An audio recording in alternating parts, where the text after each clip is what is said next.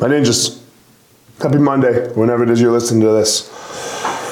Yeah, y'all gotta remember the mind, the mind is a muscle. You gotta train that thing. You, you have to train your mind for difficulty. And it's easy not to, right? It's so easy not to, especially when you start to have a little. When you, when you, when you, when you start to see some success and, and, and uh, when you start to reap the benefits of the work that you've been doing, go back to the basics. Go back to the basics and train your mind. Train your mind for difficulty every single day. Prepare it. Look, that, that's the whole reason I do my morning routine, my meditation, my breath work, my prayer, my cold shower. It's the whole reason I do that. I'm preparing my mind for when things might not go well for me.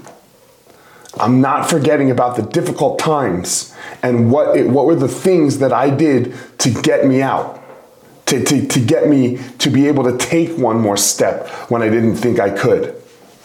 But I, do, but I still do that every single day.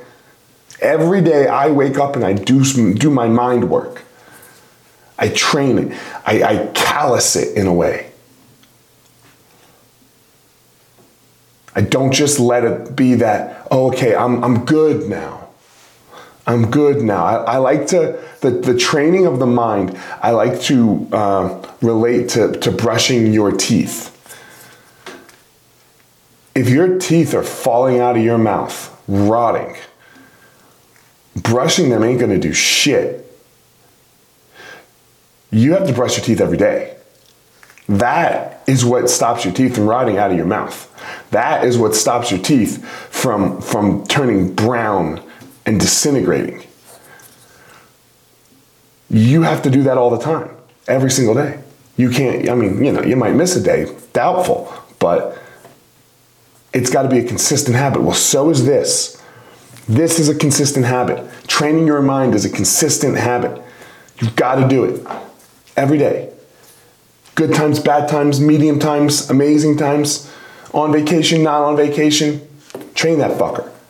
Discover your passion, find your power, go give your purpose to the world.